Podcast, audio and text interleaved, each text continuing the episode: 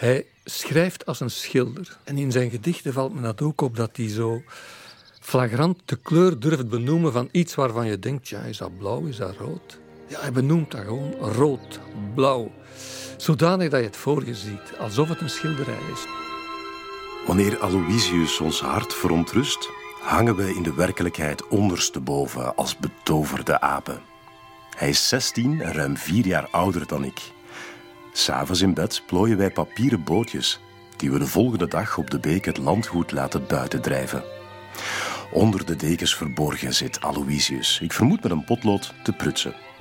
Zonder zich aan mij te laten zien, reikt hij mij één voor één de cahiers aan waarin ik regelmatig dezelfde vouwen zet.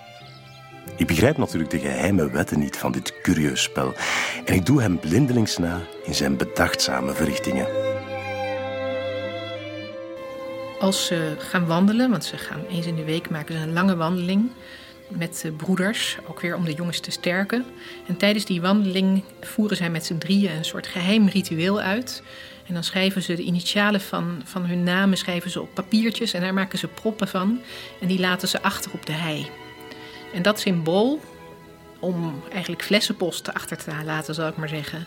Uh, dat is iets wat op verschillende plekken in zijn oeuvre komt dat terug. Dat was voor hem denk ik belangrijk en het was denk ik ook een symbool voor hem voor zijn schrijverschap. Je kunt dat toch ook hebben met je goede vrienden, dat je zo heel gebiologeerd je afvraagt van hoe doet hij het?